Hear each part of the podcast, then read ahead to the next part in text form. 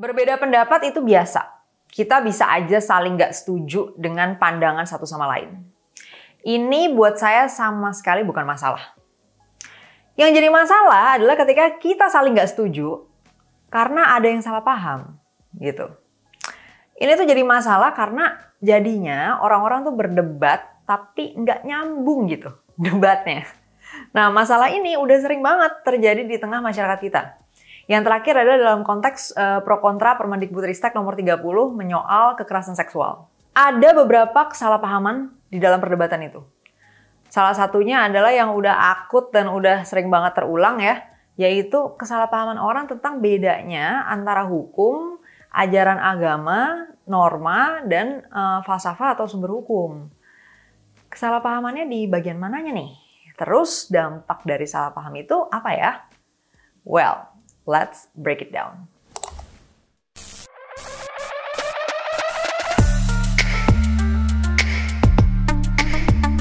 Pada 31 Agustus 2021 lalu, Mas Menteri Mendikbudristek Nadiem Makarim menerbitkan peraturan Mendikbudristek nomor 30 tahun 2021 tentang pencegahan dan penanganan kekerasan seksual di lingkungan perguruan tinggi. Tujuan dan isi peraturannya udah tergambar jelas ya pada judulnya.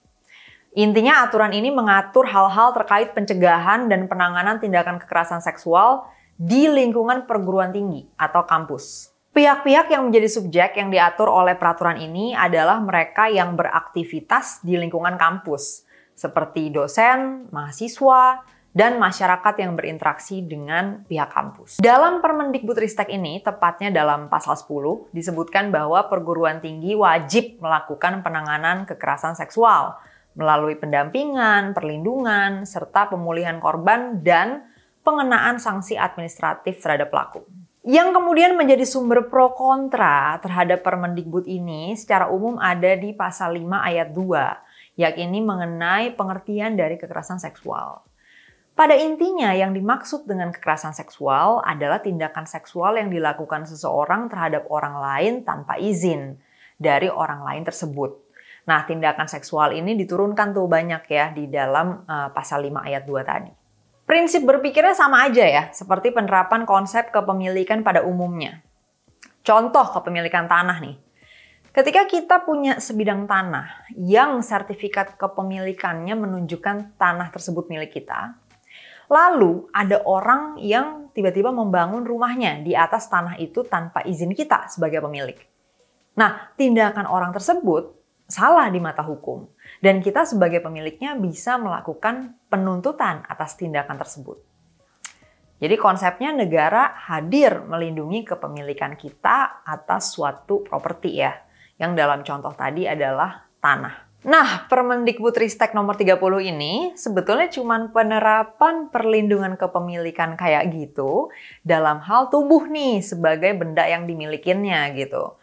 Jadi seseorang punya hak milik atas tubuhnya. Sehingga tindakan melakukan sesuatu atas tubuh orang tersebut tanpa izinnya sudah sepatutnya dong ya dilarang secara hukum. Terus yang nolak ini tuh kenapa ya menolak? Sejauh ini pada intinya mereka menolak karena Permendikbudristek nomor 30 ini tidak menerapkan larangan terhadap hal-hal yang dalam suatu ajaran agama tertentu dianggap sebagai dosa. Salah satunya seks di luar nikah yang kemudian dibahasakan sebagai zina. Dari sinilah akarnya muncul narasi yang menyebutkan bahwa Permendikbudristek itu melegalkan zina Narasi tersebut jelas ya menunjukkan kesalahpahaman konsep yang sangat serius nih. Melegalkan itu kan artinya membuat sesuatu yang ilegal atau dilarang menjadi legal ya, menjadi diperbolehkan. Nah, di negara ini zina itu jelas dilarang alias ilegal. Artinya, orang yang melakukan zina bisa dinyatakan bersalah dan dihukum sebagaimana telah diatur dalam hukum yang berlaku, yakni dalam KUHP atau Kitab Undang-Undang Hukum Pidana. Kalau mau mengubah itu menjadi legal, harus dibuatkan hukum baru atau KUHP baru yang menggantikan itu. Sementara Permendikbudristek nggak bisa berlaku sebagai produk hukum yang menggantikan KUHP yang berlaku saat ini. Jadi, di sininya udah jelas banget nih bahwa Permendikbudristek nomor 30 itu enggak melegalkan zina. Kesalahpahaman berikutnya adalah di bagian pengertian dari istilah zina itu sendiri. Ini akarnya ada di masih banyaknya masyarakat kita yang belum paham nih konsep definisi, kemudian bedanya ajaran agama dengan hukum ya, jadi masih sering kecampur-campur. Dua istilah yang sama di tempat yang berbeda bisa punya definisi yang berbeda. Contohnya ya istilah zina itu. Dalam ajaran beberapa agama yang ada di Indonesia, zina itu artinya berhubungan seksual di luar nikah, gitu ya. Sedangkan dalam hukum yang berlaku saat ini, yaitu dalam KUHP, istilah zina artinya adalah hubungan seksual yang dilakukan oleh pasangan yang salah satu atau keduanya terikat perkawinan. Nah, kalau kedua pasangan sama-sama masih lajang alias tidak berstatus kawin dan sudah masuk usia dewasa, itu tidak termasuk dalam zina menurut hukum yang berlaku. Pengaturan mengenai perzinahan dan sanksinya diatur dalam pasal 284 KUHP. Di situ juga diatur bahwa delik perzinahan merupakan delik aduan. Artinya, orang yang melakukan zina hanya bisa diproses kalau ada yang menuntutnya. Dan yang berhak melakukan penuntutan itu cuma pasangan sah dari si pelakunya. Jadi pengertian zina dalam hukum itu punya banyak banget nih perbedaan ya dengan pengertian zina dalam ajaran agama. Sementara istilah zina yang dimaksud orang-orang ketika mereka bilang ini melegalkan zina, melegalkan zina itu adalah uh, yang versi ajaran agama. Yang mana itu mencakup pasangan lajang dewasa yang berhubungan seksual di luar hubungan perkawinan. Nah akhirnya jadi nggak nyambung ya gitu karena uh, hal itu kondisinya dalam hukum yang ada saat ini memang gak dilarang gitu. Jadi apanya yang mau dilegalkan? Orang memang gak ilegal kok gitu ya. Kesalahpahaman ini juga nih yang terjadi pada bulan Juli 2016 lalu saat Aliansi Cinta Keluarga atau AILA mengajukan judicial review ke Mahkamah Konstitusi atau MK terhadap pengertian zina dalam hukum yang ada. Judicial review adalah sebuah mekanisme peninjauan ulang terhadap hukum yang berlaku. Dan dari hasil peninjauannya itu, MK berhak membatalkan suatu hukum. Masalahnya yang dituntut Ayla pada saat itu bukan pembatalan hukum, melainkan pembuatan hukum baru yang mencakup pelarangan terhadap hubungan seksual konsensual di luar pernikahan antara sesama orang dewasa lajang dan eh, orang-orang uh, homoseksual. Saat itu saya kan termasuk yang menolak ya uh, sikap Ayla tersebut. Eh malah banyak yang mengira saya mau mengubah hukum yang ada. Padahal yang mau mengubah hukum justru pihak Ayla. Sedangkan saya posisinya setuju dengan hukum yang berlaku, yakni menggunakan definisi zina yang sudah saya sebutkan tadi. Agak lucu ya penalarannya. Kalau hukumnya sudah melarang, ya ngapain lagi Ayla capek-capek judicial review ke MK, ya kan? Jadi lagi-lagi memang kadang nggak nyambung gitu ya pemahaman sebagian orang di dalam masyarakat kita ini. Sehingga ketika lagi berdebat atau berdiskusi tuh suka saling nggak nyambung gitu jadinya. Oke, sampai sini harusnya udah jelas banget nih. Bahwa hukum yang ada saat ini tidak melarang zina sebagaimana yang diartikan oleh ajaran beberapa agama yang ada di negara ini. Ya, jadi yang dilarang adalah zina dengan definisi yang tadi udah saya jelasin di dalam KUHP. Hanya karena agama Anda melarang, bukan berarti hukum juga melarang. Begitu juga dengan norma. Hanya karena norma Anda atau norma keluarga Anda atau norma lingkungan sekitar Anda tuh melarang, bukan berarti hukum negara ini melarang. Nah, kita harus membiasakan diri nih untuk melihat dengan jernih suatu larangan yang kita maksud itu larangan versi yang mana ya?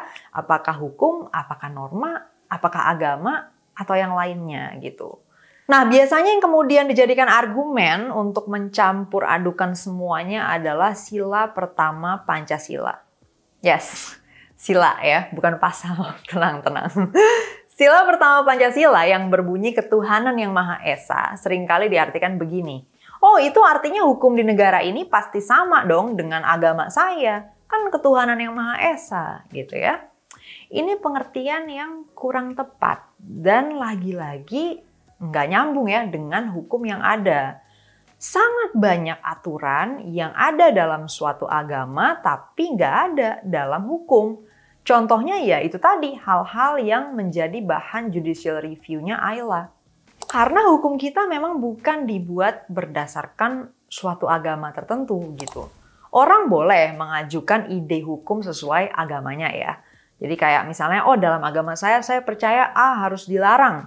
Ya saya boleh memperjuangkan itu secara demokratis ya kan ke DPR, eh, ke wakil rakyat untuk membuat hukum seperti itu.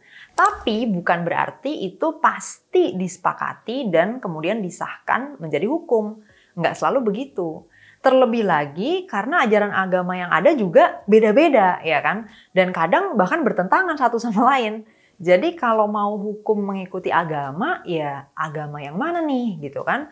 dan juga menggunakan penafsiran atau interpretasi yang mana. Terus juga sila pertama itu kan bicara ketuhanan ya. Jadi sebetulnya ya beda sih Tuhan dengan agama gitu. Itu dua hal yang berbeda. Jadi kalaupun sila pertama mau diartikan sebagai wajib mengikuti perintah Tuhan misalnya ya. Ya pertanyaan berikutnya Tuhan versi yang mana nih gitu kan? Terus perintah Tuhan versi agama yang mana? Dan lagi-lagi dengan penafsiran yang bagaimana ya kan? Karena penafsirannya juga bisa beda-beda gitu. Nah, jadi sampai sini harusnya udah clear banget nih ya kesalahpahaman tentang definisi zina, versi agama versus versi hukum yang berlaku dan kesalahpahaman tentang posisi ajaran agama dan hukum di negara ini bagaimana.